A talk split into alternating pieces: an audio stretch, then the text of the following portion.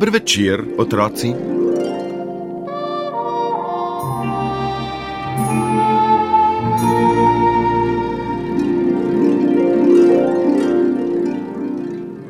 Nekoč je živel kralj, ki se je nad vse želel sprehajati po luni. Namesto da bi bil upravljal deželo, je posedal okoli in mislil na luno.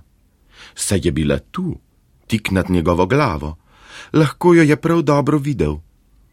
Kakšno noč, ko je bila luna polna in vsa svetla, je čutil, da se je lahko dotakne. Vendar je bila vseeno malo predaleč, da bi jo dosegel. Kot kralj je bil navajen, da je lahko storil, kar si je poželel. Tudi naj si je tokrat želel še tako močno, lune le ni mogel prijeti. In čeprav je bil kralj, se po luni ni mogel sprehajati.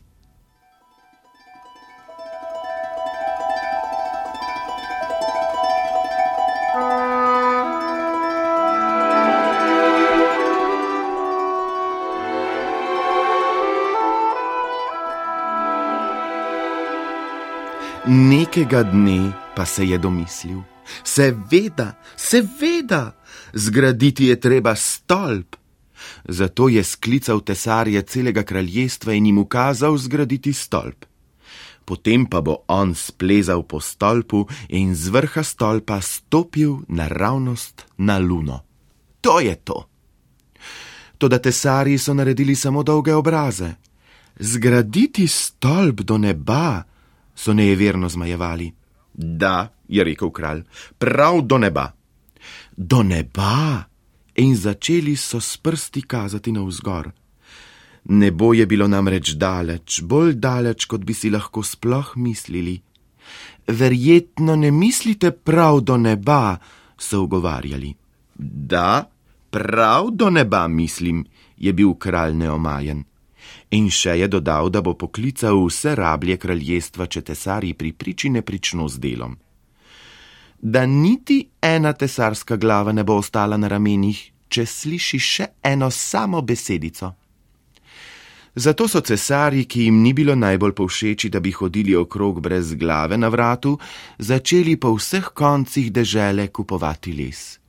Nakupili so ogromne količine lesa, vsega premerili, si pri tem grizli ustnice in bojim se, da nekateri celo nohte. Vendar jim kljub vsemu ni bilo jasno, kako bi lahko zgradili lesen stolp, ki bi segal do neba. Kralj je bil zaradi tega zelo slabe volje. Najkasneje naslednjo soboto se je želel sprehajati po luni sklical je vse tesarje in vse rablje celega kraljestva.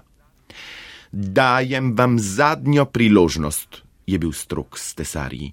Jutri začnite graditi, sicer se bodo vaše glave začele kotaliti. Zato so tesarji, ki jim ni bilo najbolj povšeči, da bi se jim glave zakotalile, vso stvar še enkrat do dobra premislili. Tuhtali so in tuhtali, ter se na zadnje le domislili. Šli so nazaj k kralju in mu sporočili, da vedo, kako in kaj storiti. Vendar, ko bo stolp končan, zna biti plezanje po njem nevarno, zato so predlagali, da bi ga sami najprej preskusili. Nikakor ne, je zaupil kralj, ni govora, da bi cela rajda tesarjev prišla na luno pred kraljem. Jaz bom prvi splezal, vi samo gledajte, da bo gradnja lepo tekla. Kako pa mislite zgraditi stolp? Tesarji so mu povedali, kako so si zamislili. Tedaj je kralj poslal glasnike po vsej deželi, naj naročijo vsem možem, ženam in otrokom, da naj v kraljevo palačo prinesejo vsako škatlo, gajbo ali zaboj, ki ga lahko najdejo. Potem pa bodo v kraljevih vrtovih zaboje, škatle in gajbe zložili eno na drugo.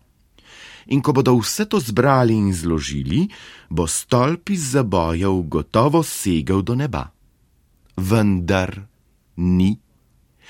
Res je bil stolp čudovit in visok, tudi majal se je čudovito, vendar še vedno ni segal do neba.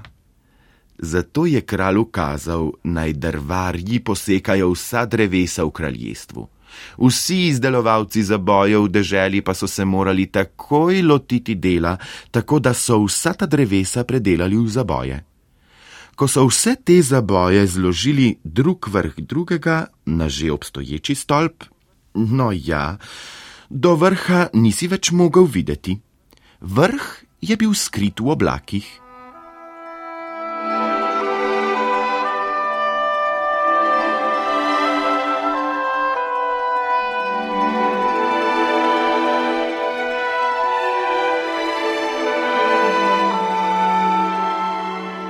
Kralj je začel plezati in se uspenjati.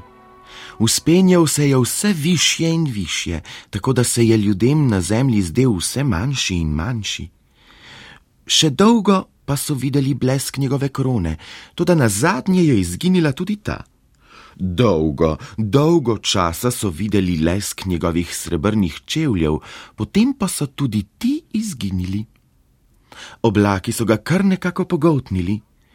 Končno pa se je visoko iz oblakov, iz velike razdalje, zaslišal komaj slišen in prepoznaven glas. Z rokami na ušesih so lovili oddaljeni glas, in le enemu ali dvema, ki sta imela izreden sluh, je uspelo razbrati kraljeve besede. Skoraj sem že tam, je upil na vse grlo, samo en zaboj mi še podajte. Toda V vsem kraljestvu ni bilo niti enega zaboja več, niti najmanjšega drevesca ni bilo več, niti trske lesa nikjer.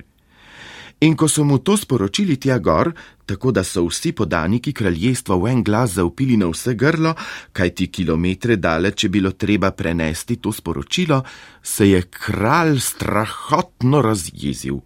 Spet so zaslišali njegov glas. No, prav, je rekel, no, prav. In naročil jim je še, kaj da je treba storiti. Preprosto naj vzamejo spodnji zaboj, na katerem stoji stolp, in naj mu ga pošljajo tja gor.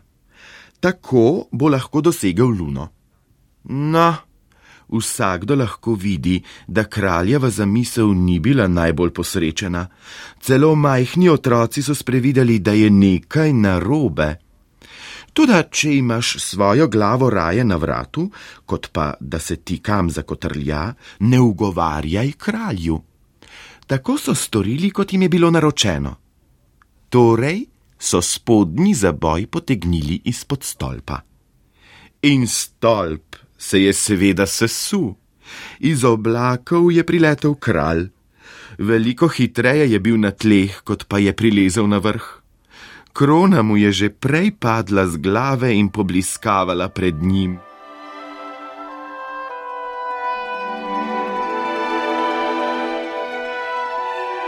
Nekaj pa moram vseeno še dodati. Kralj je bil sedaj ozdravljen. Minilo ga je poželenje, da bi se sprehajal po luni,